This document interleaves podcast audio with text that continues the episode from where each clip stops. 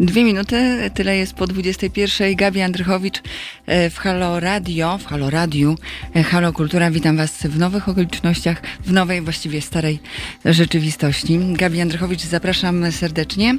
E, pytanie na dziś do Was. Czy artysta powinien być społecznie zaangażowany, tak jak mój najbliższy gość? Zachęcam do dyskusji i do pisania do nas. Halo Radio. Teraz małpa halo.radio, to jest nasz adres mailowy. My pytamy o tym, czy artysta powinien być społecznie zaangażowany, tak jak my jesteśmy społecznie zaangażowani, gdyż e, to wy, słuchacze, tworzycie treści społeczne. Zachęcam do wejścia na naszego YouTube'a i komentowania e, i przywitania się z nami koniecznie. Zachęcam też do wzięcia udziału w naszych kampaniach. E, w takiej kampanii społecznej, jak, jaką znajdziecie na www.zrzutka.pl ukośnik, ukośnik kampania, bo strasznie, źli jesteśmy na nasz kraj, e, który wydaje z naszych e, pieniędzy, z naszych kieszeni na Kościół katolicki, e, właściwie na kler, 20 miliardów złotych rocznie. Na co powinny pójść te pieniądze? Zachęcam także do dyskusji na naszym YouTubie, także do wysyłania maili na teraz małpa halo.radio.pl i do pisania do mnie andrychowicz małpa halo.radio.pl. Ile kosztuje nas Kościół katolicki? 20 miliardów złotych rocznie. Przecież te pieniądze mogą pójść, no na przykład na artystów, na przykład na kulturę, na przykład na służbę zdrowia. E, w siedmiu miastach chcemy zorganizować społeczną kampanię, bo społeczność mamy wpisane w nasz statut. Mm, siedem miast ma wziąć udział e, w tejże. Warszawa, Łódź, Kraków, Poznań, Katowice, Wrocław i Trójmiasto. W każdym z nich po siedem du dużych billboardów zostanie wyeksponowanych od 1 do 15 sierpnia, żeby nas wspomóc, także finansowo, przede wszystkim finansowo, żebyśmy mogli zorganizować tę kampanię. Wchodźcie na www.zrzutka.pl, ukośnik kampanii, kampania. E, wszystko to, by sprzeciwić się temu, ile z naszych kieszeni idzie na Kościół e, katolicki. E, także zachęcam do telefonowania do nas, choćby po to, by odpowiedzieć na pytanie, czy artysta powinien być zaangażowany społecznie. 22 39 059 22 to jest nasz numer telefonu do studia. Teraz małpo, małpa halo.radio to no, jest nasz e, mail. Postaram się z Wami cały czas e, komunikować. E, zostańcie z nami do 23 w Halo Kultura. Ja zaprosiłam gości, już jest na łączach, zaangażowana społecznie. Dorota Miśkiewicz, wokalistka jazzowa, to z nią się na początek e, połączymy, która czasem mm, oprócz jazzu uprawia także popularniejszą muzykę, na przykład śpiewa skaldów. O tym już za chwilę, zaraz od niej wyciągniemy jeszcze więcej informacji, gdzie będzie można Dorotę Miśkiewicz w naj, najbliższym czasie zobaczyć.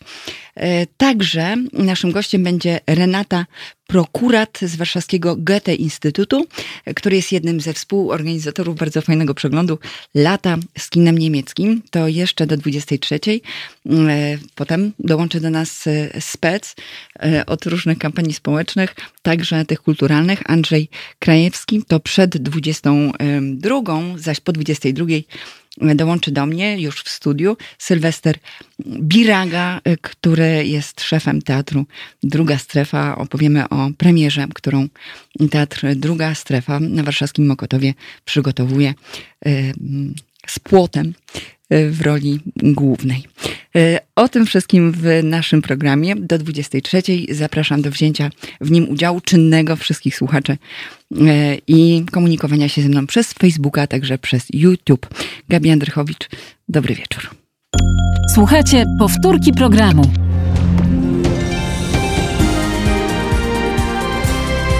Halo Radio. Halo Kultura, Gabi Andrychowicz, wracamy. To wy, słuchacze, tworzycie nasz program, dlatego czekam na odpowiedzi na pytanie, czy artysta powinien być społecznie zaangażowany. Czy powinien czy kultura powinna mieć wpływ na, nasz, na nas, na obywateli? To jest moje do Was pytanie. Zachęcam do wzięcia udziału w dyskusji i wypowiadania się na mm, naszym profilu na YouTubie, a także na Facebooku. Przypomnę jeszcze naszego maila teraz małpa halo.radio radio. To jest nasz mail. Wy możecie także zadawać pytania przez te wszystkie kanały mm, naszym gościom. A już ze mną jest zaangażowana społecznie, ale przede wszystkim muzycznie wokalistka, czyli Dorota Miśkiewicz. Miałyśmy się już okazję, nie wiem czy Dorota pamięta, się już kiedyś, kiedyś tam spotkać. Dorotko, jesteś z nami? Tak, jestem. Dzień dobry. Dzień dobry. Dorota ma naprawdę wypas w tym momencie, gdyż znajduje się gdzie? E, na łonie przyrody. To masz zdecydowanie lepiej niż w samym środku miasta przy placu y, Unii Lubelskiej. E, jestem ciekawa, czy artysta powinien być społecznie zaangażowany. O to pytam naszych słuchaczy. Za chwilkę dojdziemy do ciebie, ale jeden, jedno pytanie mam do ciebie jest strzał. Natalie Portman, gdy dowiedziała się, że e, wygrywa wybory prezydenckie za oceanem, Donald Trump powiedziała krótko: O, oh, fuck. Jak ty zareagowałaś, jak obudziłaś się w poniedziałek? E, no, w moim przypadku jednak byłam smutna. No to był, czy to był czarny poniedziałek, czy 13 jeszcze w dodatku? No, tak, ja właściwie już grałam koncert 12 i, i, i już dochodziły już wtedy sugerowaliśmy, że być może powinniśmy wykonać utwór jeszcze w zielone gramy na przykład, żeby jakoś nie, nie, nie tracić nadziei. Mm, no tutaj nie ukrywam tak moich e, sympatii politycznych. Dorota Miśkiewicz, do twojej takiej działalności społecznej jeszcze wrócimy. Siedem płyt E, nagrałaś, ostatnią koncertową. E, która z nich jest twoją najulubieńszą? Najulubieńsza jest piano.pl. To jest no, taki największy mój projekt, który, w którym wzięło udział dwunastu bodajże pianistów, jedna pianistka, jeszcze było czterech smyczkowców, jeden saksofonista. No to gigantyczne przedsięwzięcie. E, wszystko nagrane live, e, z kamerami również, więc taka płyta koncertowa e, i jeszcze winyl do tego, więc no takie największe dla mnie przedsięwzięcie. No, no bardzo, bardzo lubię takie eleganckie, więc to jest moja A czy udaje się z tyloma artystami potem taki um, występ, nie lubię słowa wykon, powtórzyć, czyli zaprosić ich wszystkich jeszcze potem na przykład w trasę, jeszcze potem w takim składzie dawać koncerty? No, w trasę to na pewno nie. E, ale pojedyncze koncerty nam się udało e, zagrać, także powtórzyliśmy to jeszcze w kilku innych miastach. Kilka razy zagraliśmy wręcz w Warszawie, e, zagraliśmy też we Wrocławiu i w, i w Poznaniu i w, w Katowicach, także w tych dużych, pięknych salach udało nam się projekt pokazać w pełnej krasie, a w, w innych miejscach graliśmy go w nieco ograniczonym składzie, ale który ciągle jest duży pokazując trzech różnych pianistów z różnych pokoleń. E, tak objechaliśmy właściwie no, chyba całą Polskę. A z jakim składem grasz w czasach e, tak zwanej odwilży, czyli teraz tego lata pojawisz się na dwóch jazzowych festiwalach w Trójmieście i w Trójmieście. Jeden pod koniec e, lipca. Jazz. Tak, mhm.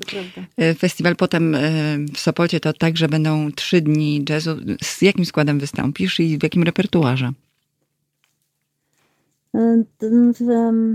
Ten, koncert najbliższy, czyli Ladies Jazz, y, to będzie koncert w duecie z Markiem Napiórkowskim. Y, y, natomiast na Sopockim Festiwalu to już będę częścią programu mojego taty, to już będzie większy zespół.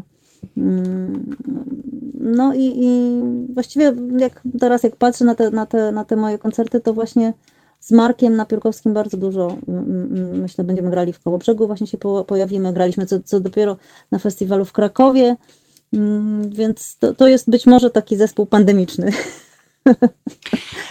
Grałaś z Cezairą Ajworą, e, Nigelem Kennedy, Ptaszynem Wróblewskim, Janem Ptaszynem Wróblewskim, Wojciechem Młynarskim. Ja teraz e, przypomniał mi się Wojciech Młynarski. Wiele osób e, także na Facebooku zacytowało róbmy swoje, no co, trzeba w nowej rzeczywistości, starej rzeczywistości robić swoje, żeby na te 500 no. plus zarobić. E, Tomaszem Stańko, regularnie grasz z Grzegorzem Turnałem. E, czy jakieś e, z tymi artystami wiążą się z anegdoty, z którym najprzepiękniej spośród tych wymienionych przeze mnie artystów to by się grało, dogadywało? Oj, to jest w ogóle trudne do porównania, to jest, no bo mm, Cezaria Ewora, no to było cudowne doświadczenie, doświadczenie takiej zupełnie innego grania, innej muzyki, innej kompletnej kultury, innego pochodzenia. No my byliśmy jakby z zupełnie dwóch różnych bajek. Jedyne, co nas łączyło, to, to była muzyka. Y, chociaż też ona była nieco inna, bo ja przy, przy całej swojej, nie chwaląc się, no mam dosyć niezłe poczucie rytmu, ale jak oni zaczynali grać, to ja, to ja jeżeli nie liczyłam od początku, to ja nie wiedziałam, gdzie jest raz. I się potrafiłam zgubić, więc musiałam liczyć od początku, od nabicia, bo oni tak zupełnie inaczej piosenki, które ona śpiewa, śpiewała, są proste.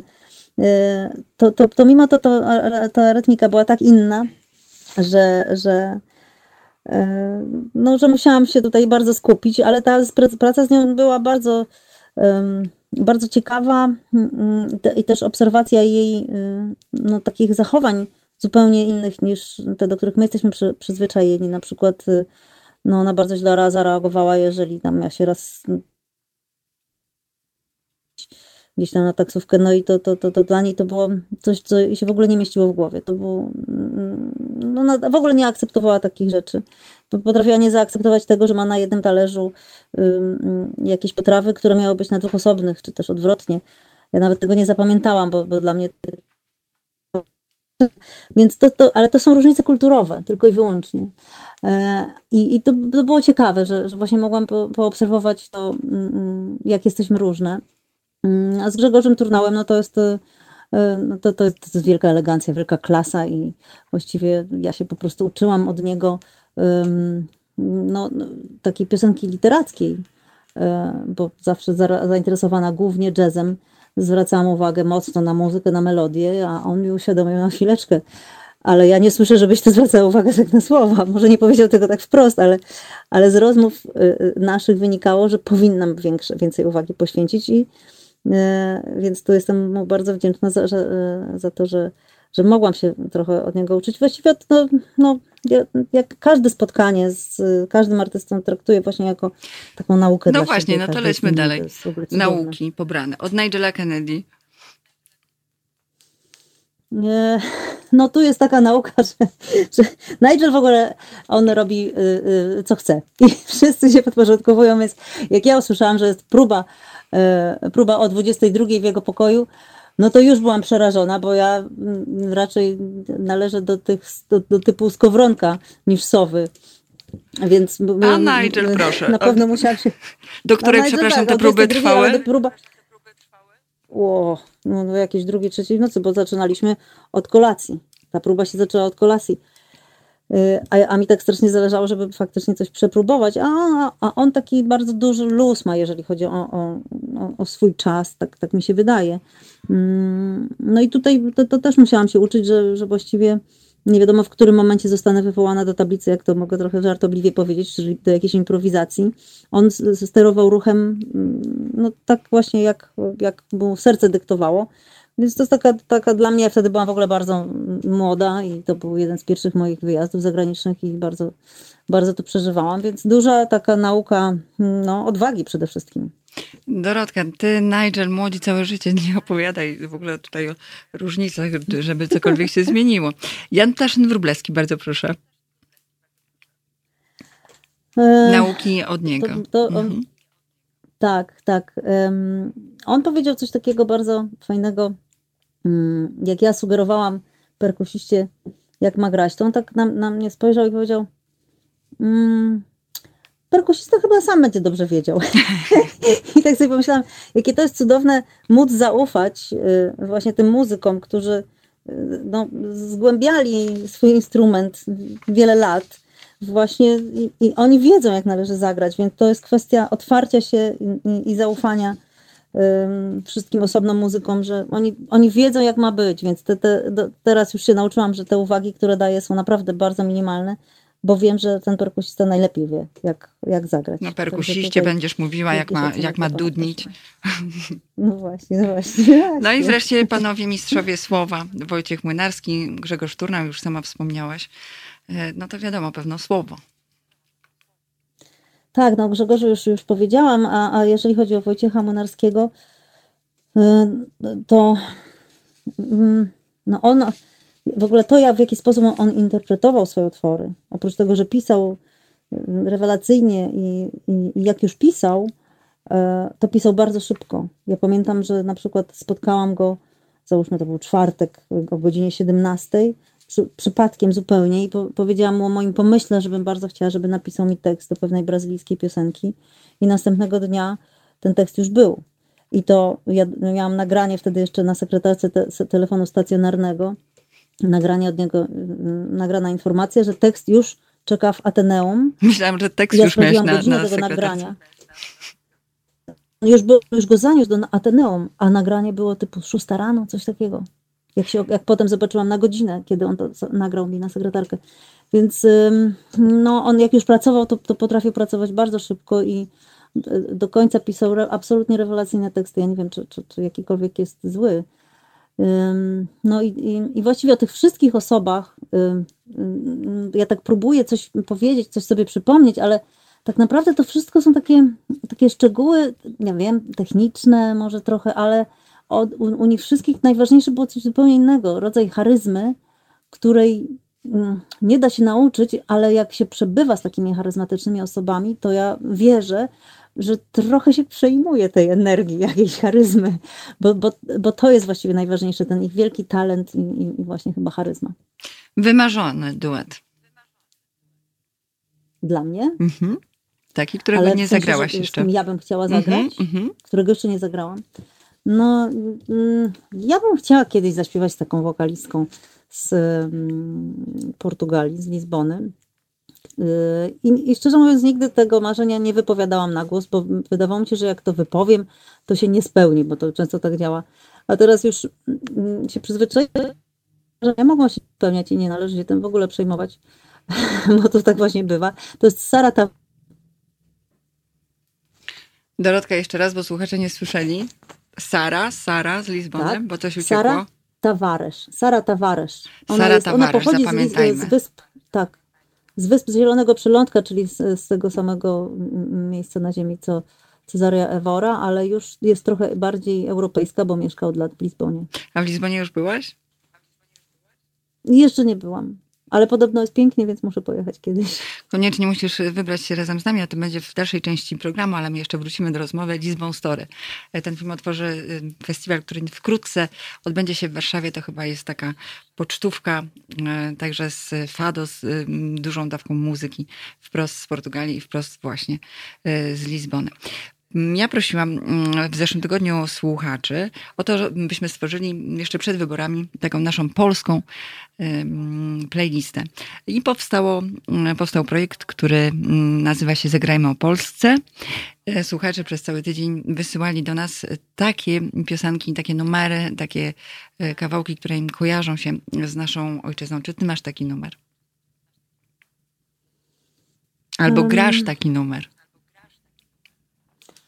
Nie wiem, wydaje mi się, że w ogóle cała moja płyta piano.pl jest trochę taka bardzo polska, bo tam są i polscy pianiści, są takie najpiękniejsze polskie utwory, które mm, powinny być, być znane, ale tutaj wspomniany Wojciech Mynarski, on jest takim komentatorem naszej rzeczywistości. Właściwie cokolwiek, e, czegokolwiek się nie, nie dotkniemy, no to, to, to będzie bardzo polskie, nawet nie ma jak u mamy.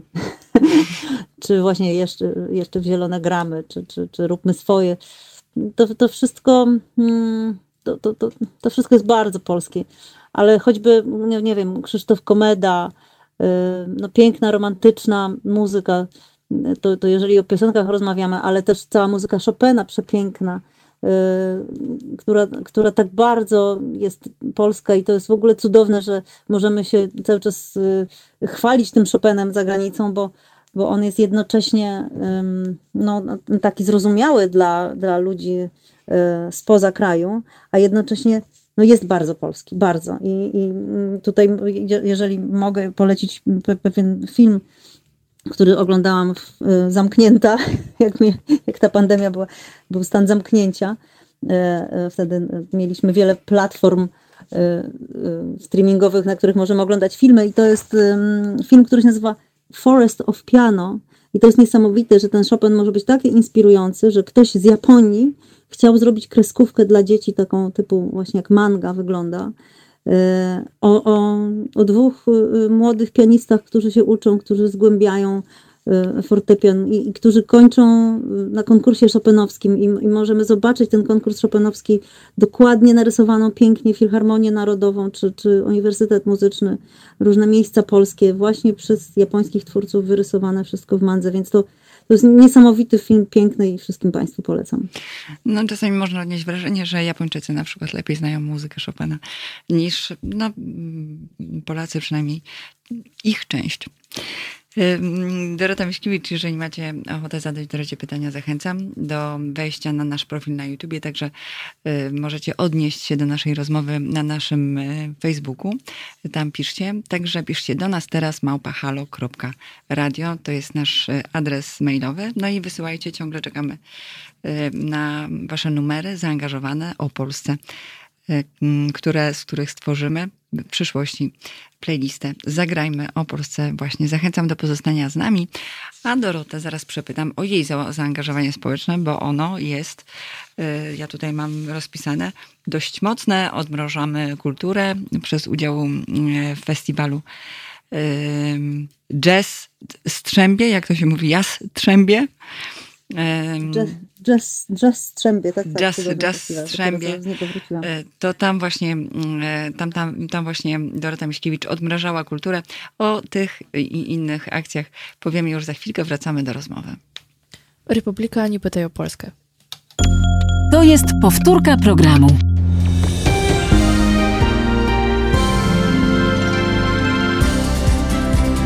Halo Radio. Pierwsze radio z wizją.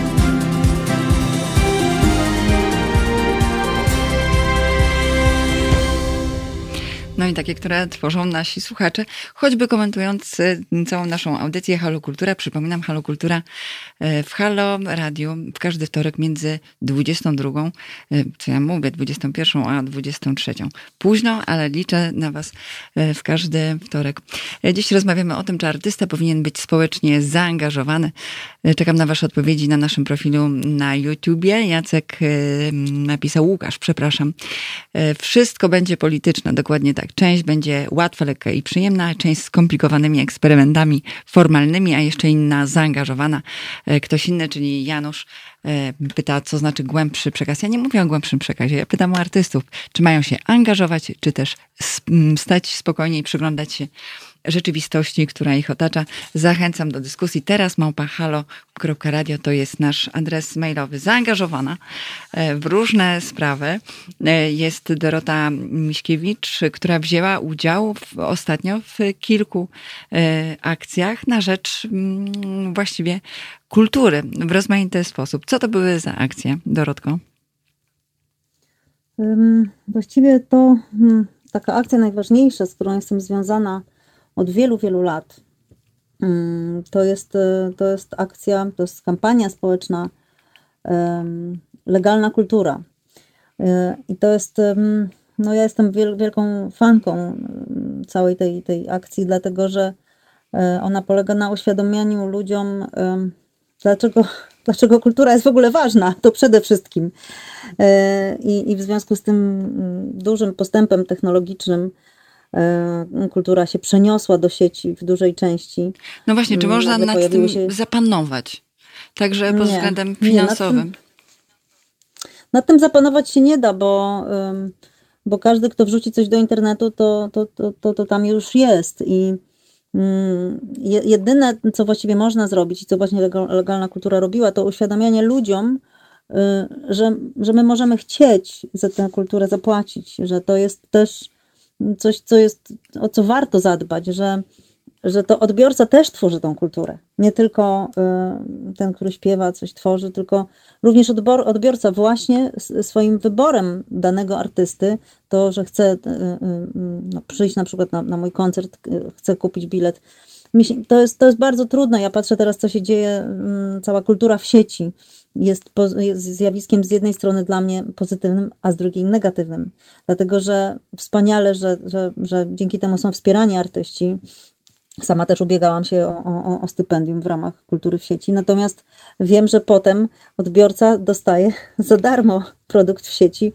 Cudownie, że, że też że, że w sieci są różne rzeczy za darmo i można ludzi przekonać do siebie dzięki temu, ale w momencie, kiedy wszystko jest za darmo, no to zaczyna się robić problem. I mm, no tutaj liczę tylko na to, że to jest kwestia czasu, żeby ludzie zrozumieli, że mm, za koncerty w sieci może warto płacić. I, i wiem, że, że odbywały się koncerty takie w sieci, które no szczególnie teraz, kiedy wszyscy byliśmy w, dom, w domach zamknięci, e, odbywała się masa koncertów darmowych ale też były koncerty płatne, na które ludzie kupowali bilety, więc to jest, no, no mam nadzieję, że, że, że ludzie będą chcieli za jakiś czas kupować bilety. No ja mi, mi do tej pory, ja brałam udział w, właśnie w tym festiwalu Jazz Strzębie, o którym mówi, mówiłyśmy przed przerwą, mm, czy w jakichś takich wydarzeniach, które, e, które, za które publiczność płacić nie musiała online. One za chwilę znikną, ich nie będzie w internecie. E, ale no, one, one po prostu były, były dostępne, a ja liczę na to, że, że przyjdzie taki czas, w którym, w którym ludzie będą też chcieli płacić za koncerty w, sieci. No właśnie, wobec tej dostępności internetu e, wszędzie i dla wszystkich, wobec także pandemii, czy faktycznie kieszeń artystów zubożała? Realnie. E, w tym momencie, jeżeli chodzi o, o pandemię, to na, na pewno. Wszystkie czynniki biorąc pod uwagę. Mhm. Jeden ze słuchaczy jest. Ja mogę zauważyć. Mhm. Napisał no? głodny artysta, takich w mhm. Polsce jest chyba większość, to w związku z tym, o czym mhm. powiedziałam, nie ma siły ani ochoty dodatkowo angażować się społecznie. Zgadzasz się z nim? Czy, głodny nie ma siły? Nie wiem. Wydaje mi się, że to jest kwestia um, jakiegoś temperamentu, charakteru, natury. Myślę, że, że no, ja nie wiem, nie, nie znam tak bardzo wielu głodnych, ale myślę, że, że jeżeli ktoś jest głodny, to jeżeli chce coś zrobić, może właśnie, żeby się nasycić, to, to, to zrobi to. to. Mm, jest też wielu na, e, sytych artystów, którzy też e, specjalnie się nie angażują, więc to, to nie wiem, czy, czy to ma związek, czy ktoś jest głodny, czy syty. Inny słuchacz e, zapytał ciebie, wcześniej mówiłyśmy o, to, o tym, czego nauczyłaś się od innych artystów, od e, Wojtka Młynarskiego między innymi, od Nigela Kennedy'ego, od Jana Taszyna Wróblewskiego. A czego ty będziesz uczyć, pyta Mac Wyspa, na Ho Jazz. Ho Jazz, cudownie, właśnie już niedługo, już niedługo za tydzień jadę na słynne warsztaty w Chodzieży, na, na których byłam jeszcze jako dziewczynka dwuletnia, kiedy mój tata tam uczył. Teraz sama jeżdżę i, i uczę. Bar, bardzo lubię te spotkania z, z ludźmi młodymi. Um, trudno powiedzieć, że, że, że nie, nie wiem, czy można się czegoś nauczyć przez dwa tygodnie, więc to, co ja próbuję przekazać, to, to radość ze śpiewania i e, wydobycie z siebie pełni potencjału, bo mam wrażenie, że my mm, w Polsce jesteśmy mocno tacy nieśmiali y, i tacy zamknięci w sobie. Boimy się otworzyć buzię, mówiąc, mówić pełnym głosem. Y, I, i, i ja to próbuję powiedzieć tym wszystkim ludziom, żeby, żeby nie, nie, nie bali się tej ekspresji, żeby mówili tak z głębi duszy, tak strzewi wręcz. I to jest chyba najważniejsze. No właśnie, jesteś tego znakomitym przykładem. A powiedz mi, jak e, wygląda sytuacja, jeżeli chodzi, e, jeżeli chodzi o sytuację kobiet w muzyce? Czy kobiety mają dobrze, porówno z mężczyznami, e, czy muszą o swoje walczyć? Muszą trochę być feministkami w tym świecie artystycznym? No, no, słyszałam o, o, o, całej akcji, że w świecie aktorskim ta sytuacja jest nierówna, że kobiety, aktorki dostają na przykład w serialu mniej pieniędzy niż mężczyźni.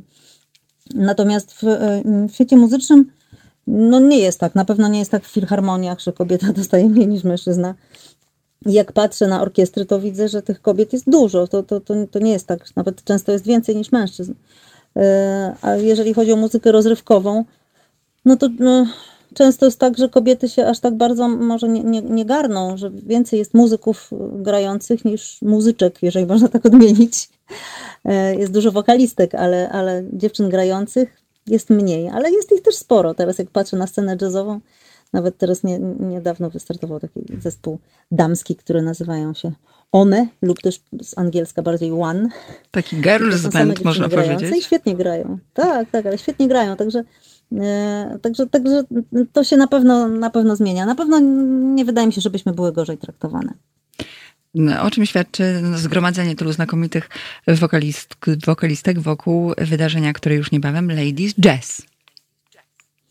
Tak, tutaj możemy Państwa zachęcić do, do odwiedzenia strony internetowej tego festiwalu Ladies Jazz, który odbywa się w Gdyni już od wielu lat. Y, tym razem z racji no, takich trudniejszych warunków wirusologicznych nie, nie będzie można wypełnić całych sal koncertowych, ale, ale na pewno jeszcze kilka miejsc się znajdzie, więc tam po prostu trzeba sprawdzić, gdzie należy się odezwać. A, ale też możemy Państwa zachęcić do tego, żeby oglądać koncerty w streamingu. To też wszystko na, na stronach internetowych y, Ladies Jazz. Ja będę śpiewać w, w ostatni dzień, czyli w, to będzie dokładnie w tę niedzielę. Przepraszam, y, w następną niedzielę. W następną niedzielę to będzie koncert finałowy. Będzie Ula Dudziak, y, ja będę z Markiem Napiórkowskim. Będzie też dzień wcześniej będzie Iza Kowalewska, będzie Hania Banaszek. Będzie konkurs, co dla mnie jest niezwykle cenne, bo konkursy to jest świetna okazja dla młodych ludzi, żeby, no żeby się sprawdzić. E, I, i, i to, to, to są już finaliści tego konkursu, czyli wszyscy będą na pewno prezentować wysoki poziom i przez cały tydzień trwania festiwalu będą ich koncerty. To się nazywa konkurs o Grand Prix Ladies Jazz Festiwalu, tak? Tak jest. Tak jest. Także każdy koncert o 19 będzie miło, jeżeli będziecie z nami.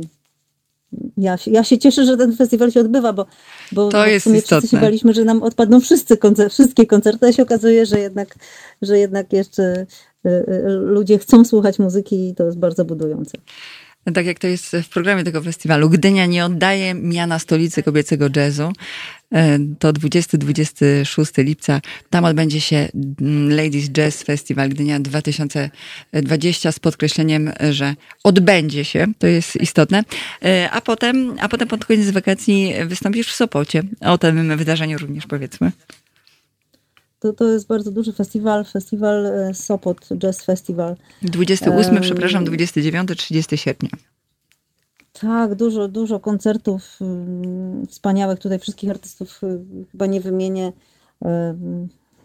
Tutaj chyba też Państwa będę musiał odesłać na strony internetowe tego festiwalu. My będziemy grać też ostatniego dnia i to, to będzie zespół mojego taty, ale taki powiększony o, o orkiestrę smyczkową. W składzie zespołu będzie Andrzej Jagodziński, Marek Napiórkowski, e, Łukasz Żyta. Mm, także i piosenki będą takie lekko brazylijskie. Taki jest zamysł mojego taty. Ja jako gość również pojawię się w kilku utworach. E, ja zawsze, zawsze się cieszę, kiedy mogę pojechać nad, nad morze, bo to jest, e, no po prostu tam jest pięknie. Raz, że jest pięknie, a zróbmy, żeby jeszcze z, z pomocą tych e, brazylijskich dźwięków zrobiło się też nam ciepło. Tego życzymy wszystkim, którzy Oby. nad morzem. Oby, tak, tak. Miejmy nadzieję, że jeszcze będzie kilka dni ciepłych tego lata. Jeszcze tylko powiedzmy z jakimi składami, bo one się różnią. Wystąpisz na Ladies Jazz, a z jakim składem, to już powiedziałaś na w Sopocie. Tak, a na Ladies wystąpię z Markiem Napiórkowskim w duecie. Mm, odwiedzimy też e, RCK Kołobrzeg, to jest też festiwal e, bardzo sympatyczny i to jest tydzień po Ladies Jazz gdyńskim. Pojedziemy również z Markiem Napiórkowskim do Kołobrzegu, także no, miło, miło że, że, że są festiwale jazzowe, bo to jest dla mnie niezwykle ważne że, e, że ludzie chcą słuchać również takiej trochę bardziej skomplikowanej muzyki. Można trochę powiedzieć, że akcja Odmrażamy Kulturę, przynajmniej w tym zakresie, w tej dziedzinie jazzu, e, można uznać tą akcję za udaną, przynajmniej w części. No, to, to tutaj chwała organizatorom, którzy, którzy walczą z sanepidem i nie poddają się i, i chwała publiczności, że chce przychodzić, bo wiem, że to jest ryzykowne, bo trzeba podpisać kartkę ze swoim nazwiskiem i numerem telefonu. Sama byłam ostatnio na koncercie na Warsaw Summer Jazz Days e, i byłam tak szczęśliwa, mogąc słuchać muzyki na żywo. E, no, to, to był mój pierwszy koncert od, od, no, od lutego. Y, kiedy mogłam być w publiczności. Ja lubię koncerty po obu, być po obu stronach, zarówno na scenie, jak i y, pod sceną, więc to, to, to jest dla mnie wielka przyjemność. No, a na jaki koncert najchętniej chciałabyś się wybrać? O duecie już powiedziałyśmy. Duet polsko-portugalski. Tak. Y, natomiast no mhm. właśnie na jaki, na jaki koncert? Jako widz? Jako widzka? Hmm. No, no, no nie, nie, nie, nie pomyślałam o tym. Ja bym wolała, żeby ten koncert mnie zaskoczył. Żeby y, ktoś taki przyjechał i żebym ja na przykład y, tak przyszła y, i tak zresztą się wydarzyło teraz na Warsaw Summer Jazz Days, bo właściwie przyszłam posłuchać wspaniałego y, polskiego saksofonisty Macieja Obary, który grał z moim bratem, więc tym bardziej mu kibicowałam. A przed nim grał zespół Algorytm z Pomorza, którego nie znałam. I tak mnie zaskoczył pozytywnie, tak dobrze zagrał. Ja takie właśnie zaskoczenia uwielbiam i, i, dlatego chodzę często na koncerty, nawet takie, o których nie wiem, czy będą moje wymarzone, nie wiem, jak będą brzmiały, ale to, to bym wszystkim Państwu polecała taką otwartość na muzykę, bo, bo być może się nie spodziewamy, gdzie coś pięknego um, może się nam objawić. Na pewno piękna e, Dorota Miśkiewicz objawi się Wam wraz e, ze swoim zespołem w najbliższym czasie nad morzem. To będą dwa festiwale, o którym powiedziałyśmy. E, zachęcam, byście zostali z nami. Niecały kwadrans tyle zostało do 23. Za chwilkę do Was wracamy z kolejnym gościem. Będzie o filmie i to filmie niemieckim, ale też pojawi się podczas tego przeglądu, o którym mowa, wątek ulubiony Doroty Miśkiewicz, czyli wątek lizboński, portugalski. E, szczegóły już za chwilkę zostańcie z nami, a ja Tobie życzę wszystkiego dobrego i dziękuję, że e, z nami byłaś w ten trudny mimo wszystko dzień, dlatego że smutek nam towarzyszy nieustannie, chociaż tak jak nasz mistrz Wojtek Młynarski wyśpiewywał, po prostu róbmy swoje i wracajmy do rzeczywistości. Oczywiście. Bardzo dziękuję. Wszystkiego dobrego i dużo zdrowia i nerwów żelaznych. Wszystkiego dobrego. Dzięki. Za chwilkę wracamy. Dziękuję. Słuchajcie powtórki programu.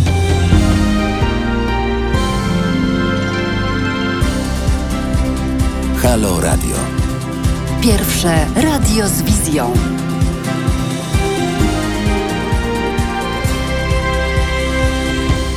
To był jeden z moich najulubieńszych absolutnie w życiu artystów, czyli Simon Green, e, czyli nazywający się Bonobo. Kiedyś pamiętam taką sytuację, bo byłam, zdaje się, na wszystkich Simona Greena koncertach w Warszawie. Postanowiłam i wzięłam się, zawzięłam się w sobie podbiec do niego i się przywitać i krzyczałam bonobo, bonobo, bonobo, gdy wychodził z garderoby. Gdy się odwrócił, mm, zdążyłam, zdołałam z siebie wykrzesać jedyne hi, bonobo. Y, I na tym skończyła się, skończyło się moje interwiu z tym właśnie artystą. Y, witam Was po krótkiej y, przerwie. Wcześniej z Dorotą Miśkiewicz rozmawiałam o jej miłości do Lizbony, do Portugalii i o tym, że zamierza mm, z lizbońską Sarą Tavares, artystką, nagrać duet. O tym właśnie marzę. A na festiwalu w którym, e, w którym główną rolę odgrywa kino niemieckie, właśnie akcent lizboński, akcent portugalski. Tenże festiwal, tenże niezwykły przegląd lata z kinem niemieckim otwiera. Mój gość Renata Prokurat z warszawskiego Goethe Instytutu, e, który to instytut jest jednym ze współorganizatorów lata z kinem niemieckim, jest moim i waszym gościem. Dobry wieczór, Renato. E, dobry wieczór, witam wszystkich serdecznie. Skąd taki wybór lizbońskiego akcentu na początek spotka spotkania z hmm. niemieckim kinem w Warszawie? No tak, to jest oczywiście już, e, można powiedzieć, legenda, może anegdota. E, po prostu wiele, wiele lat temu, kiedy powstała firma Gutek Film, wtedy mieliśmy kontakt z Romanem Gutkiem, jako Instytut Goethego. E, wtedy siedziba nasza jeszcze była w Pałacu Kultury i Nauki. E, I obmyśleliśmy, jak można by właśnie zorganizować premierę takiego wspaniałego filmu w Polsce wspólnie. I rzeczywiście Roman zaproponował zaproszenie Wima Wendersa na pokaz pierwszego filmu zatytułowanego Lisbon Story, który był pierwszym filmem promującym działalność Gutek Film. E, no można powiedzieć, że to już jest właściwie pewna taka anegdota i no, można powiedzieć że legenda, która się z tym wiąże, ponieważ Wim Wenders rzeczywiście przyjechał do Warszawy, rzeczywiście znalazł się w kinie Muranów. E, przeżywaliśmy to ogromnie e, i chyba w pierwszych słowach przywitania gości, widzów powiedział, no Roman, Obawiam się, że jeżeli wybrałeś na początek e, swojej działalności ten film, to ja ci nie wróżę w zasadzie dobrej kariery. I temu kinu zresztą też nie. Czyli, że Roman? Gutek, przepraszam, zaczął z wysokiego, bardzo wysokiego C. E, tak, i co się okazało, jak wszyscy wiemy, firma e, Gutek Film prosperuje wspaniale. Kino Muranów jest właściwie na firmamencie filmowym Warszawy e, kultowym miejscem, promującym kino artystyczne, kino autorskie, niepowtarzalne kino. My jako Goethe Instytut współpracujemy od wielu lat z kinem Muranów. Organizujemy rokrocznie e, przeglądy tak zwany e, tydzień filmu niemieckiego, zawsze odbywa się to w styczniu. E, Także wydaje mi się, że być może, że Wim Wenders e, po prostu zażartował sobie, ale w duchu myślał, może rzeczywiście losy potoczą się inaczej, potoczyły się inaczej, ponieważ filmy Wendersa w Muranowie były pokazane wielokrotnie e, i oczywiście cała twórczość Wima Wendersa była również e, ujęta w gigantyczną retrospektywę i była zorganizowana także przez e, przynajmniej dwukrotnie, jeśli sobie e, przypominam, przez Goethe Instytut i raz była też retrospektywa pokazywana podczas Nowych Horyzontów. No ale jak już mówimy o tych retrospektywach, to mówiliśmy wcześniej poza anteną, jak się umawiałyśmy trochę na to spotkanie, że macie za sobą jeszcze inną wyjątkową rzecz. Ja chyba brałam w tym udział, właśnie nie byłam pewna, czy w waszym przeglądzie, e, czy też udało mi się Stroszka, bo myślę o mm, autorze Stroszka, czyli Wernerze Herzogu. E, m, To również wasz m, duży sukces podczas wielu lat spotkania z kinem niemieckim. E, Tak, muszę przyznać, że Werner Herzog towarzyszy, można by tak powiedzieć, działalności Instytutu Goethego od samego początku. No jest to oczywiście wybitny reżyser niemiecki. E, Jest to e, osobowość, która e, istnieje w tej kinematografii niemieckiej już od lat 60., ponieważ on właśnie, Herzog razem z Wendersem, z Aleksandrem Kluge, byli sygnatariuszami tak zwanego manifestu Oberhausen z 1962 roku, gdzie postulowali zakończenie tak zwanego Heimatfilmu, czyli filmu ojczyźnianego i rozpoczęli e, nową falę w Niemczech. E, W związku z tym e, ich twórczość, e, mówimy teraz o, Wernerze Herzogu, datuje się od lat 60. Mm, e, Jest to oczywiście artysta, który e, bardzo ma bogatą, e, bogaty dorobek, zarówno dokumentalny, jak i fabularny. E, Także nasze retrospektywy obejmowały kilka czy też e, kilkanaście e, filmów e, tego e, e, artysty. No oczywiście, tak jak mówię, jest to e, ikona e, współczesnego kina autorskiego. E, Jego bohaterowie są odmieńcami, pasjonatami, szaleńcami, zresztą tak jak i e, autor. Wybraliśmy do e, naszego przeglądu film nieprawdopodobnie inny od wszystkich. Nazywa się on Fitzcarraldo. E, I ten film został nagrodzony e, w każdym razie Złotą Palmą za e, kreację, którą przedstawił Klaus Kinski. Cóż, takich filmów jak Fitzcarraldo już się nie kręci. Ten film był mm, kręcony dwa lata w dżungli właściwie peruwiańskiej. Mm, Natomiast cała produkcja trwała 12 lat. E, może zdradzę, że tak powiem, dla tych, którzy jeszcze nie widzieli e, e, kilka, kilka słów treści, a mianowicie bohaterem jest właśnie kreowany przez Klausa Kińskiego, irlandzki inżynier, który jest właściwie takim pechowcem.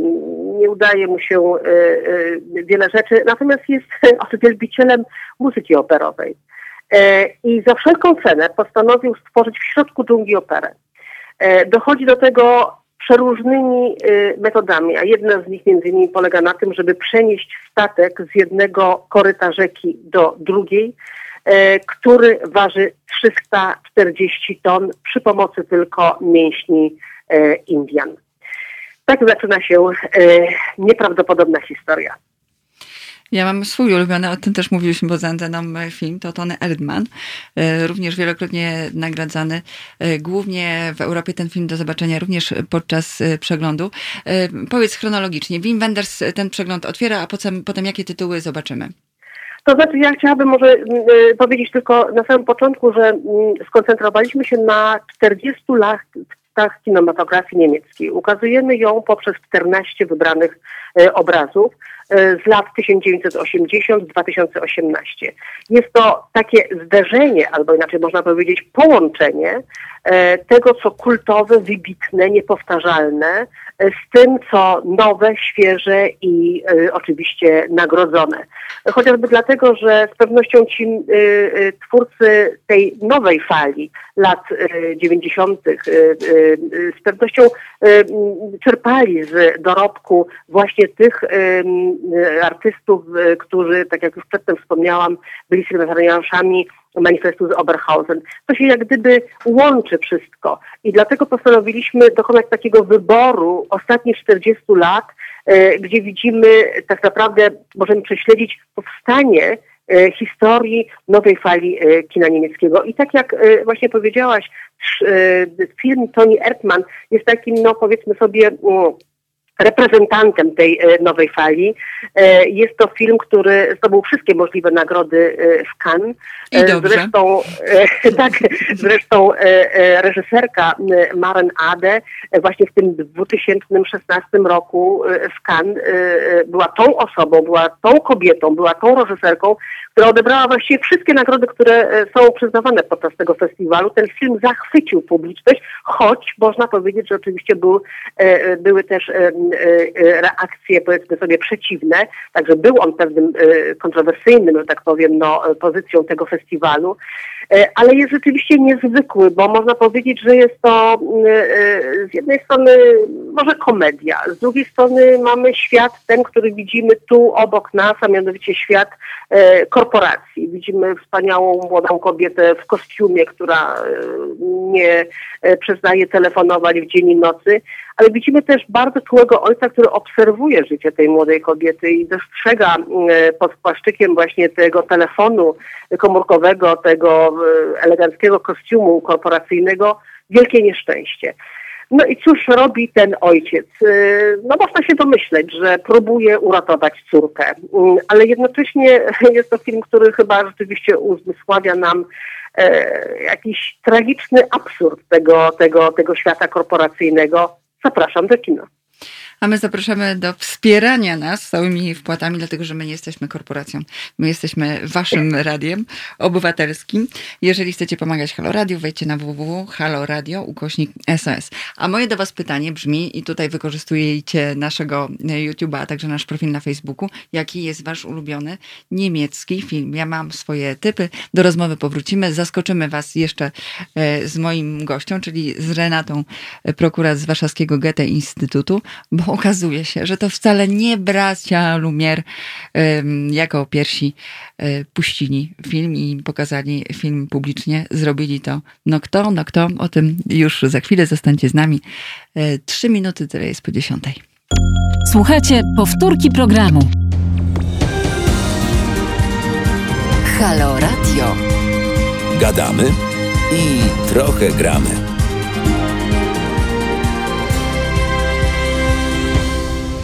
Bardziej ja gadam, Gabi Andrychowicz, a bardziej trochę gra Tamara Bokoliszwili, która program e, Halo Kultura w Halo Radio realizuje.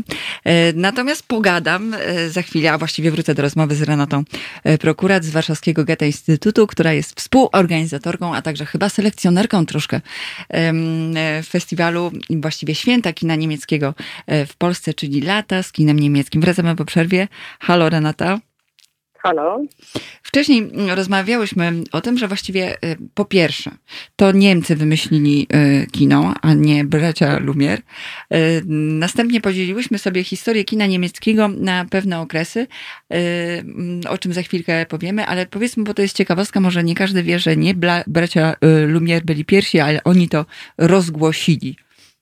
Tak, to znaczy y, historia wygląda w następujący sposób, że bracia Lumière właśnie w 1895 roku po raz pierwszy pokazali publicznie film w Paryżu e, przy pomocy skonstruowanego przez siebie kinematografu. E, I było to na tyle spektakularne wydarzenie, że historia e, stwierdziła, iż oni są właśnie e, pionierami e, kina. Ale prawda jest taka historyczna, że dwa miesiące przed pokazem braci Lumière właśnie bracia Stadanowscy Niemcy stworzyli bioskop. Jest, było to urządzenie, które służyło do pokazu ruchomych obrazów. E, więc można się spierać, czy właśnie kinematograf i pokaz publiczny E, to jest rzeczywiście ten moment, który jest e, narodziną, narodzinami kina, e, czy też wynalezienie pierwszego urządzenia, które służyło do pokazywania filmu. Zobaczymy, ja chwileńkę, powiem... chwileńkę, Renatko, zobaczymy, jak zaproszę do studia organizatorkę, czy też współorganizatorkę Festiwalu Kina Francuskiego. Skonfrontuję was.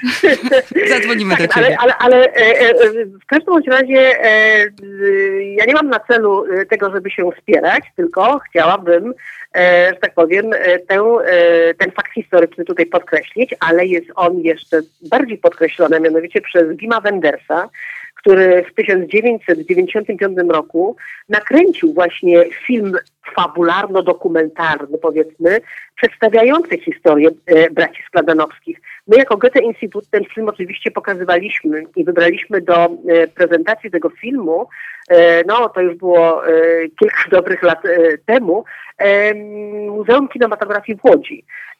Przywieźliśmy również tenże bioskop i muszę powiedzieć, że była to dość duża sensacja dla środowiska filmowego i nie tylko w owym czasie w Łodzi. Gdybyś miała się włączyć w tę dyskusję, którą prowadzimy z naszymi słuchaczami, czy artysta powinien być społecznie zaangażowany? Jak ty uważasz? E, czy artysta powinien być zaangażowany? Mhm. Artysta, czy to Ja uważam, że, czy... E, e, że, że, że, że po prostu jeśli artysta jest niezaangażowany, to wyklucza praktycznie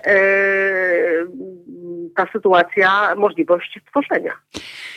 Kochanie, jeszcze mm, powiedzmy naszym słuchaczom, gdzie można znaleźć dokładny program całego lata z filmem niemieckim. Koniecznie. Zapraszam na dwie strony internetowe. To jest www.kinomuranów.pl lub www.goethe.de polska. Tu znajduje się cały e, program. Co się dzieje w alternatywnej kinowo, kinowo e, w Warszawie, to będziemy sprawdzać na bieżąco. Renata Prokurat z Warszawskiego Goethe Instytutu, współorganizator lata z kinem niemieckim, który odbywa się w Muranowie. Jedzie potem w Polsce ten przegląd? W Polskę? Nie, ten przegląd jest specjalnym wydarzeniem, e, takim e, wsparciem kina Muranów, naszego stałego partnera. E, w momencie, kiedy właśnie kina zostały e, uruchomione, oczywiście w specjalnym reżimie sanitarnym e, i kreujemy wspólnie ten program, ale to jest taki gest, powiedziałabym, Goethe Instytut stworzenia specjalnego programu oprócz naszego tradycyjnego programu, o którym już wcześniej wspomniałam, czyli Tygodnia Filmu Niemieckiego, który w kinie Muranów organizujemy rokrocznie w styczniu. Dziękuję pięknie za rozmowę. Odsyłam oczywiście do kina, bo już można. Można i to w dodatku na różne przeglądy e, rozmaitych artystów. Zapraszamy do kina e, Muranów. Zapraszamy w ogóle do kina i kin i brania udziału e, w otwartych imprezach kulturalnych. Halo Kultura. Gabi Andrychowicz. Za chwilkę do Was wracam z kolejnymi moimi gośćmi, a was, was zachęcam do dyskusji. Czy artysta powinien być zaangażowany? Tak, tak e, uważała, um, uważała um, Renata, która była moim waszym gościem. A jak wy uważacie? YouTube, e, Halo Radia, tam odsyłam, zachęcam też do pisania do nas maili. Teraz e, małpa halo.radio to nasz adres. A my za chwilkę wracamy do rozmowy. Słuchajcie powtórki programu. Halo Radio. Słuchajcie Halo Radia, Halo Kultura. Jak e, co tydzień, tak już będzie, od 22 do 23. A ja zmieniłam w tym momencie towarzystwo pań na towarzystwo dwóch panów. E, z jednym połączymy się telefonicznie, drugi jest już w studio. W studiu to Sylwester e, Biraga, który jest Macha rączką, tak? Macha no, rączką. no, macha rączką, dlatego że tak, można na YouTubie naszym, a także na naszym profilu live e, Sylwestra oglądać, który przybierzył do nas prosto z Budy i z Pesztu. Z Budy to i z było, Pesztu też, to, to tak. było dziś, a teraz prosto z próby y, ogrodzenia. Tak jest. Czyli troszkę zasapany, troszeczkę, ale nie, miał daleko. Nie było daleko, nie byłem zasapany, bez przesady. No nie, nie, nie. E, Ale też na łączach mamy redaktora, czyli naszego gościa Sylwestra e, Biraga weźmiemy w dwa ognie razem z panem redaktorem Andrzejem matko. Krajewskim. Dobry wieczór, panie Andrzeju. Dobry Panie- wieczór, słyszę, jestem.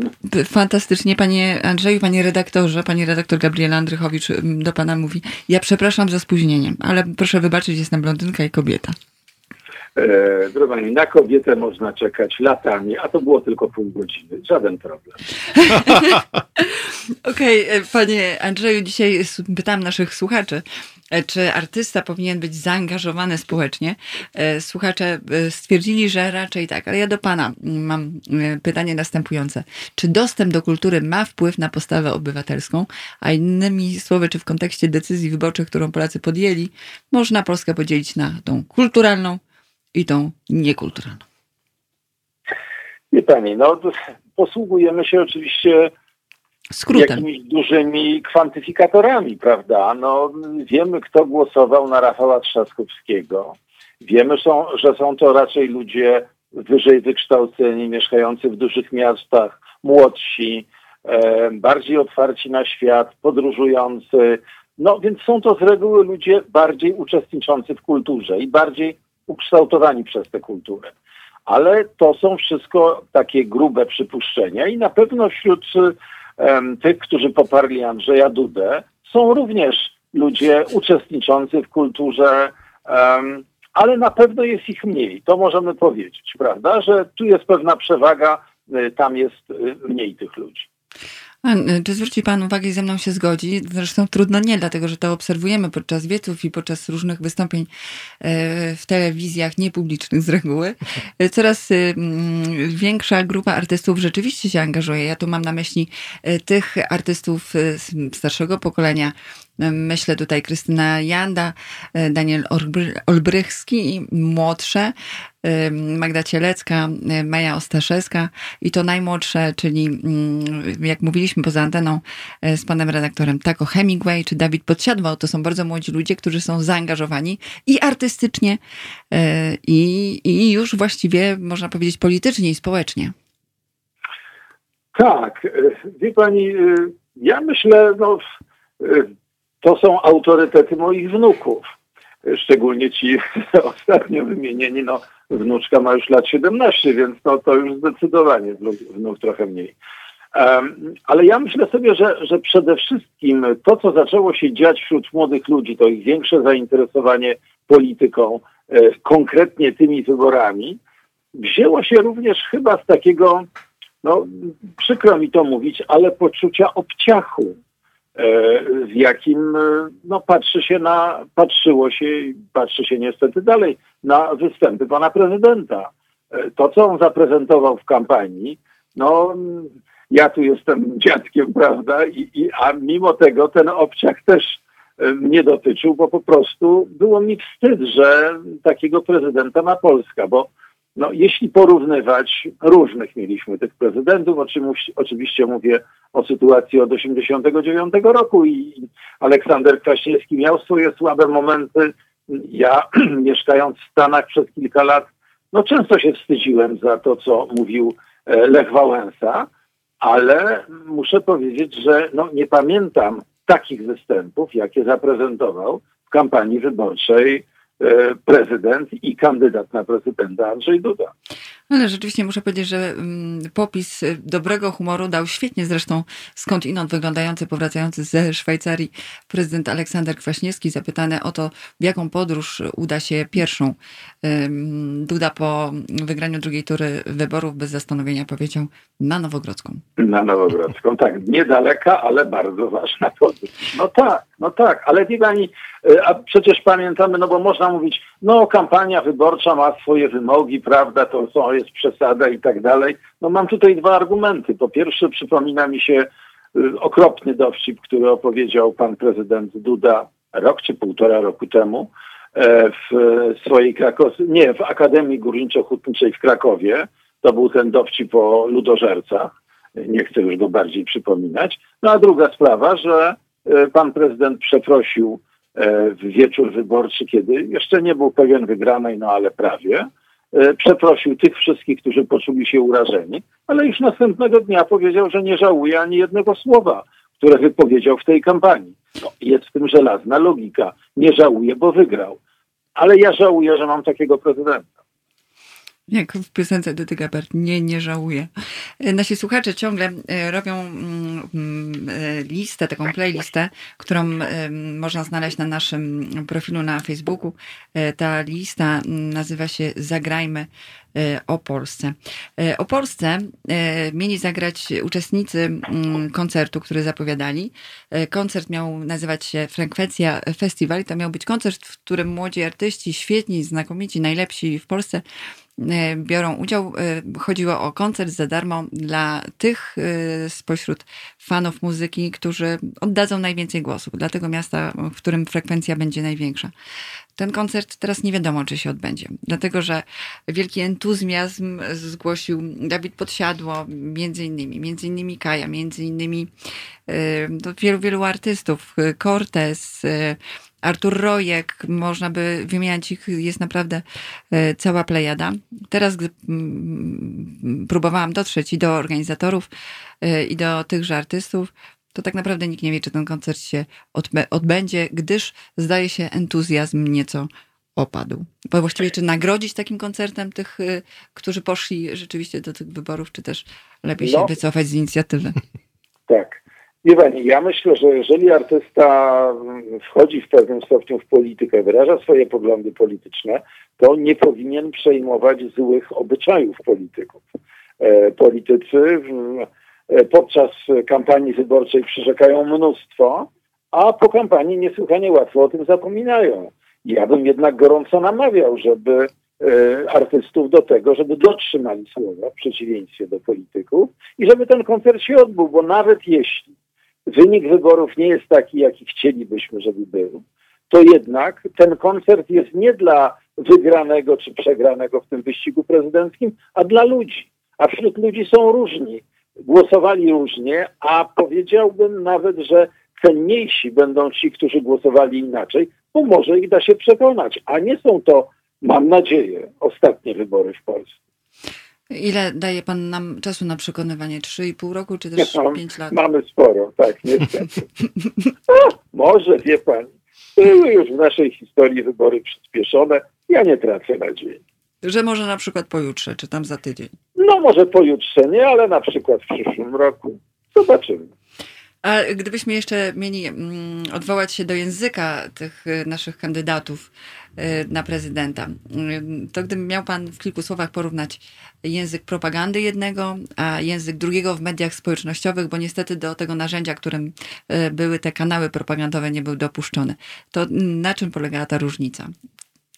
No wie Pani, przede wszystkim, znaczy ja, ja bardzo dokładnie śledziłem, bo, bo prowadzę taki monitoring wiadomości telewizyjnych i śledziłem jak, no... Gratuluję wytrwałości, naprawdę, że śledził Pan nie śledził. Jest czego, gratu- jest czego gratulować. to naprawdę jest okropne doświadczenie. No ale na szczęście miałem jeszcze grono współpracowników, także pracuję teraz nad raportem z tego.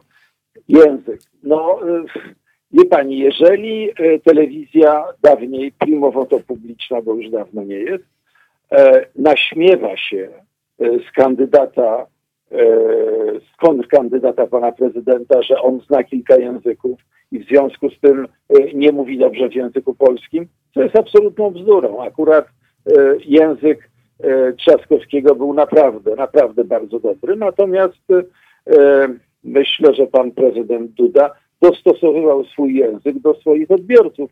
No i nie był to język najwyższych lotów, był to język pełen określeń no powiedziałbym, bazarowych, wiecowych.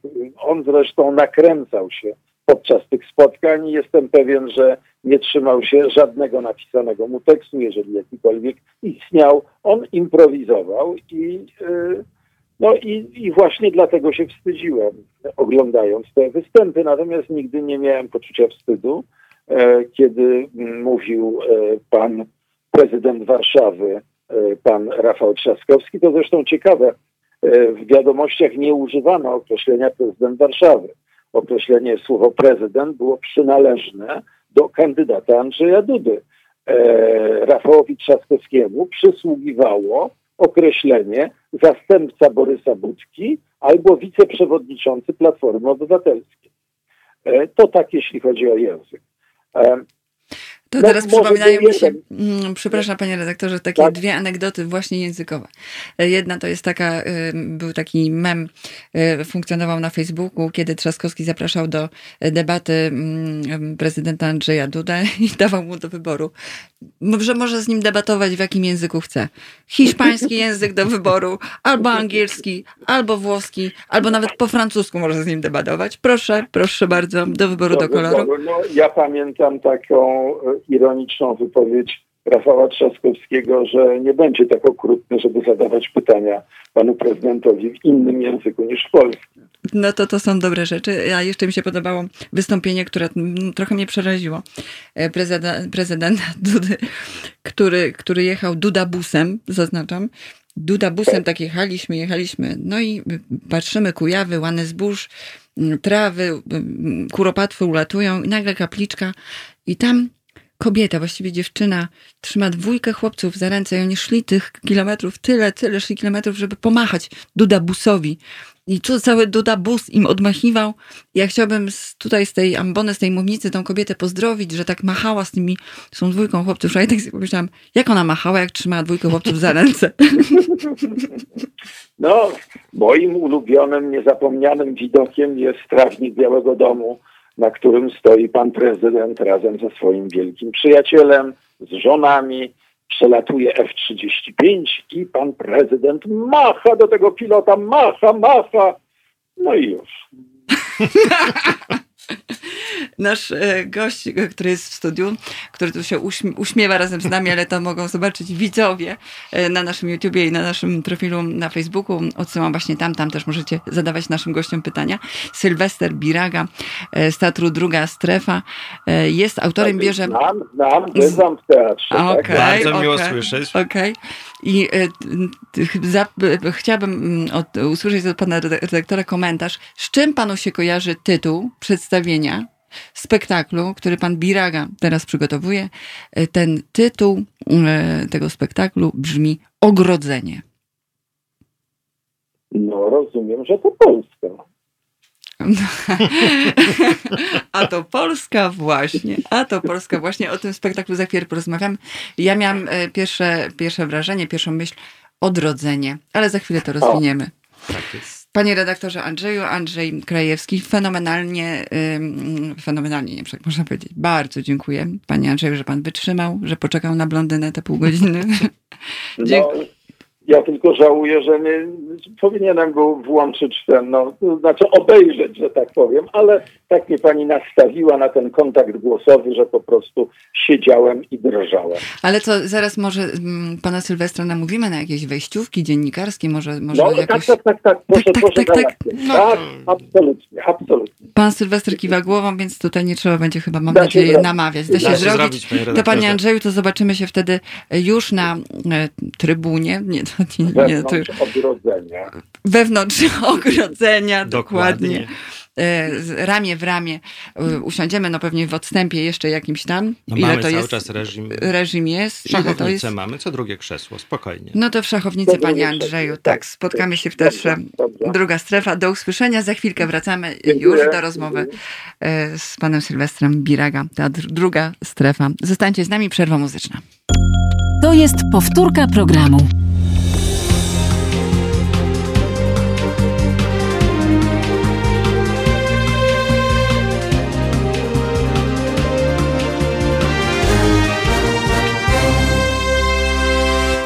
Prosto z Australii na antenie e, Halo Radia.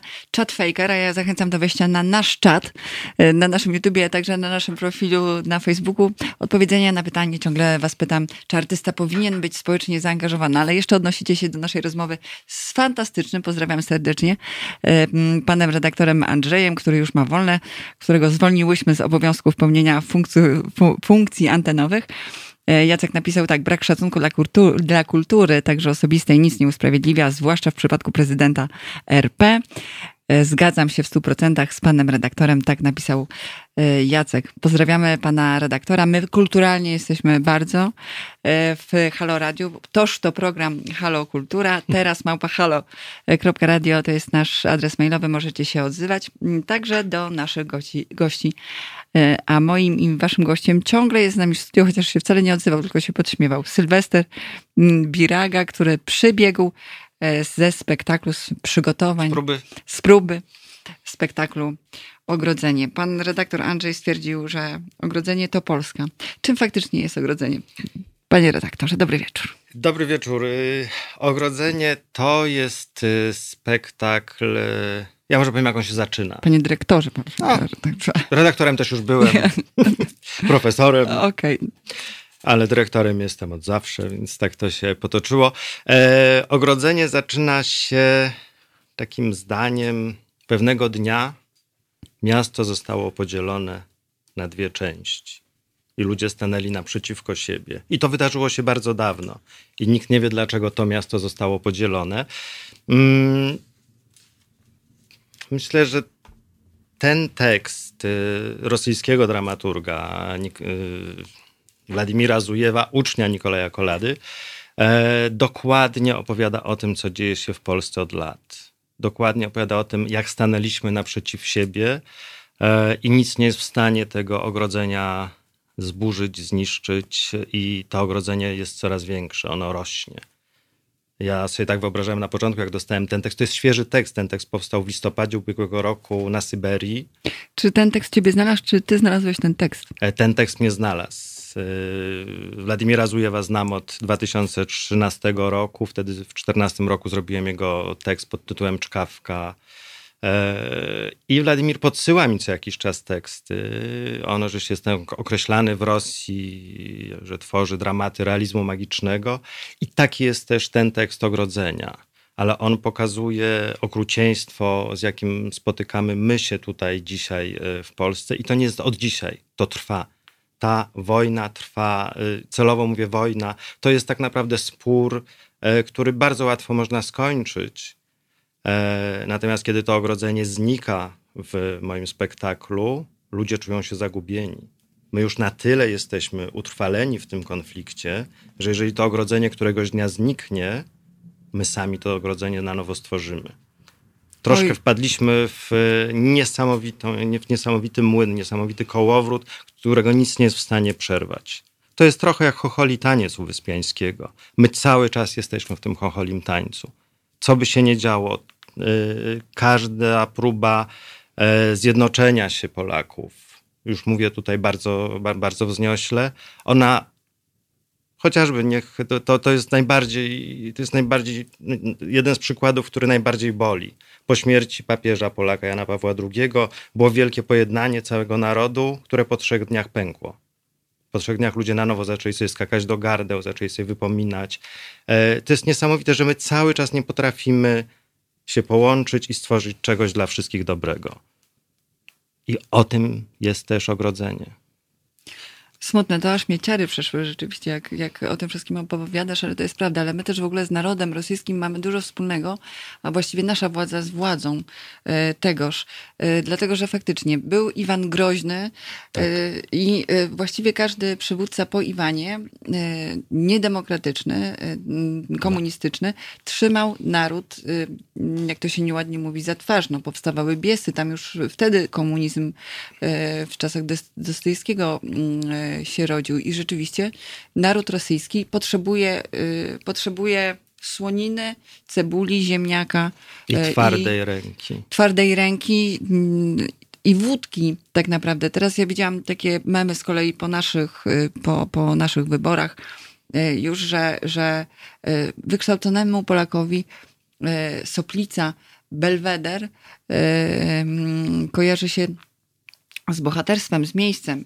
Y, Natomiast tej drugiej połowie, tej, o której z panem Andrzejem, z redaktorem Andrzejem Mhm. mówiliśmy, tej mniej kulturalnej, jednak z wódką. No, mamy, y, chyba zbieramy ogromne żniwo 30 lat i mówię to z pełną odpowiedzialnością. 30 lat ogromnych zaniedbań w sferze kultury, w sferze edukacji kulturalnej w Polsce. E, to, co się stało po 1989 roku, zresztą na tej fali tych przemian powstał mój teatr, że można, że możemy coś robić, mam, weźmy ręce, wszystko we własne ręce. Natomiast gdzieś państwo zupełnie zapomniało o kulturze. To jest, y, my naprawdę zaczynamy zbierać tego żniwo. A państwo pamięta o kościele.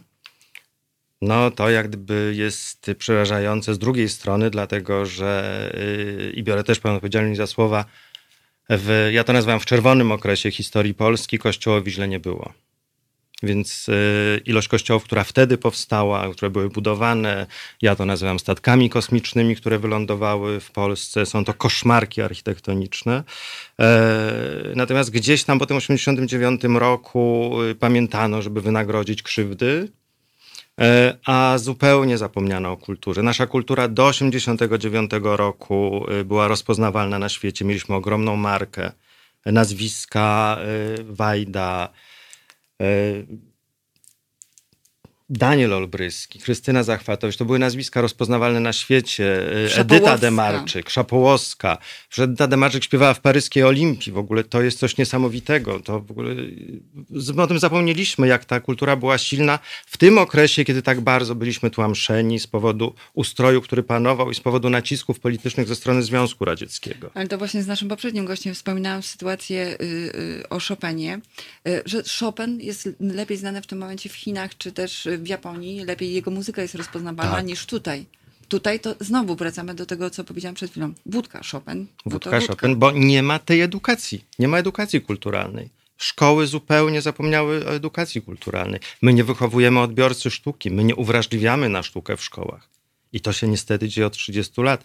Kiedy chodziłem do liceum, obowiązkiem było, żeby raz w miesiącu cała klasa poszła do teatru.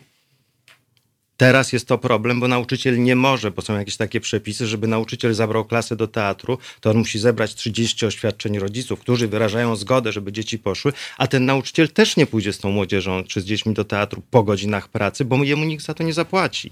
Więc jest błędne koło i, i zbieramy naprawdę żniwo tego braku, tej edukacji kulturalnej. E, nie ma mody na czytanie. Oczywiście się cieszymy, że są festiwale literackie, że ludzie czytają, natomiast y, proszę spojrzeć na, na, na, tytuły prasowe, jakie mamy. W tytułach prasowych nie ma miejsca na kulturę. Ja od 12 lat słyszę z dużych dzienników, które były dziennikami opinii, nie, nie, kultura jest niemedialna, to się nie klika.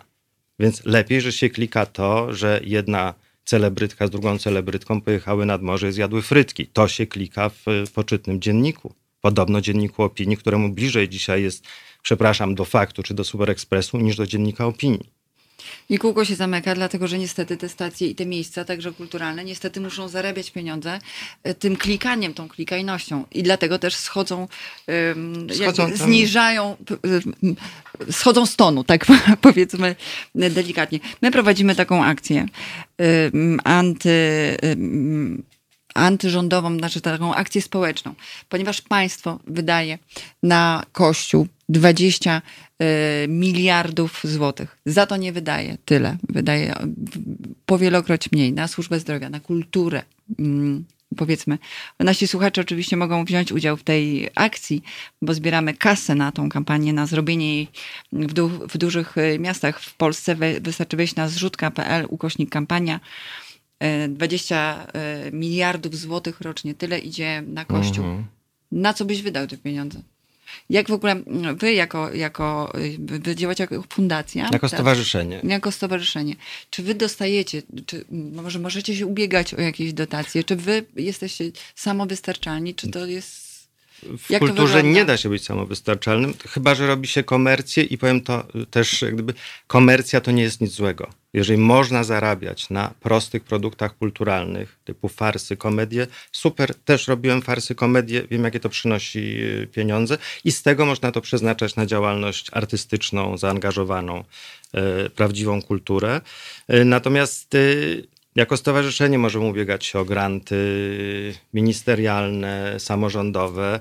E, od lat jesteśmy beneficjentem e, Urzędu Miasta Stołecznego Warszawy w konkursach dotacyjnych. W tym momencie prowadzimy projekt Społeczna Instytucja Kultury, trzyletni projekt, dzięki któremu dajemy szansę młodym twórcom zaistnieć, czyli jest to nasz, nasz, nasz program Warszawskie Debiuty. E, pokazujemy różne formy działalności, zapraszamy też, też twórców z zagranicy i też sami wyjeżdżamy, promujemy tą kulturę, naszą własną polską kulturę za granicą. Co w repertuarze teraz jest? Co na afiszu? Na afiszu, yy, nie szkoda, że te afisze zniknęły z ulic, ale tak, to, to trzeba się już z tym pogodzić tak naprawdę. Ale afisz już jest, już jest w internecie. E, Odsyłamy na Facebooka. Odsyłamy na Facebooka, na naszą stronę Tam internetową, tam są afisze. E, nawet na Instagramie mamy już afisze.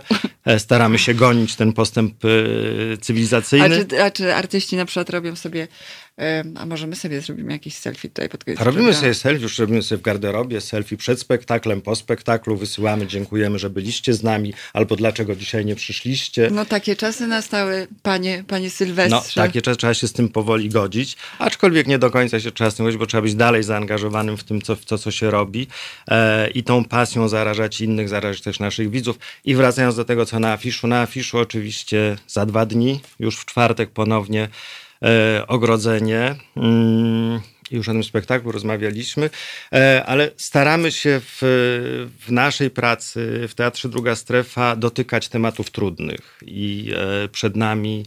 No tak jak my w Halo Radio. Dokładnie tak. Tu się gdzieś, żeśmy, że tak powiem, zaczynamy Zeszli. się schodzić i mamy 23 lipca premierę pod pięknym tytułem Puenty, opowiadającą o pięknie baletu, też o pięknie baletu też opowiadamy, ale opowiadamy w tym spektaklu o przemocy w szkołach baletowych, o przemocy w szkołach artystycznych. E, ja byłem wstrząśnięty opowieścią Natalii Marii Wojciechowskiej, z którą ten spektakl robię. E, Sławomir Kowalski napisał tekst, wysłuchując jej e, historii. I ja już po tych dwóch miesiącach prób, już tak sobie myślę, nie, to ten temat już tak nie boli.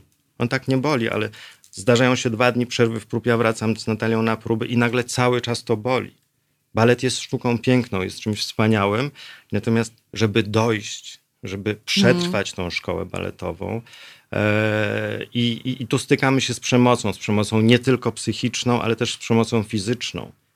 To jest mityczny kijek, który ma służyć tylko do wskazywania wad w figurach baletowych. Nie tym kijkiem niejednokrotnie dzieci dostają dostają pod kolano, dostają w plecy. No, przypomina mi się ten film z Natalie Portman w tym momencie, mm dokładnie. Mhm. Tak, więc to. E, a już pod koniec lipca z e, Pranej Pawlicki w naszej nowej przestrzeni w Teatrze Druga Strefa w piwnicy e, przygotowuje, przygotowuje spektakl o ludobójstwie. I Pranej stawia jedno proste pytanie: czy to, co wydarzyło się do tej pory na świecie, możliwe jest dzisiaj w Polsce? Czy na tyle się skonfliktujemy, że doprowadzimy do tego, że zaczniemy się zabijać? Że brat brata? Ostatnie, yy, ostatnie tygodnie kampanii, tak naprawdę, zresztą język, którym posługują się politycy, jest tak agresywny. Jest yy, od yy, 2015 roku ja obserwuję ogromne przyzwolenie na yy, agresję, na agresję, na tą właśnie, na przemoc, na, yy, i to jest bezkarne to jest bezkarne. Można kogoś uderzyć na ulicy za to, że ma zielone włosy. Można kogoś popchnąć, można kogoś obrazić, można kogoś opluć. To są rzeczy, które wcześniej się w Polsce nie działy. I, i tak, mnie jako Polaka to boli. Mnie to boli, że pojawiła się agresja i jest na nią powszechne przyzwolenie państwa. Ale jeszcze wracając do tego języka kampanii, do tej agresji w kampanii, też przypomina mi się dość zabawna sytuacja właśnie z ostatnich dni, kiedy to u moich sąsiadów na ulicy obok jeden sąsiad wywiesił Trzaskowskiego, baner z Trzaskowskim, a drugi oczywiście z Dudą i co robili nocą? Podchody zrywali sobie jeden drugiemu ten baner. I moja mama, no Kargule i Pawlaki, no Kargule i Pawlaki. Aż tu naraz przyjechała telewizja. E, jesteśmy w internecie Polsat, Polsat News. No i zaczęli to filmować. Mama mówi, no doigrali się, sąsiady się doigrały się, a tu się okazało, że to był ostatni dzień kampanii. Rafał Trzaskowski przyjechał akurat u jednych, którzy wywieźli Trzaskowskiego, Aha.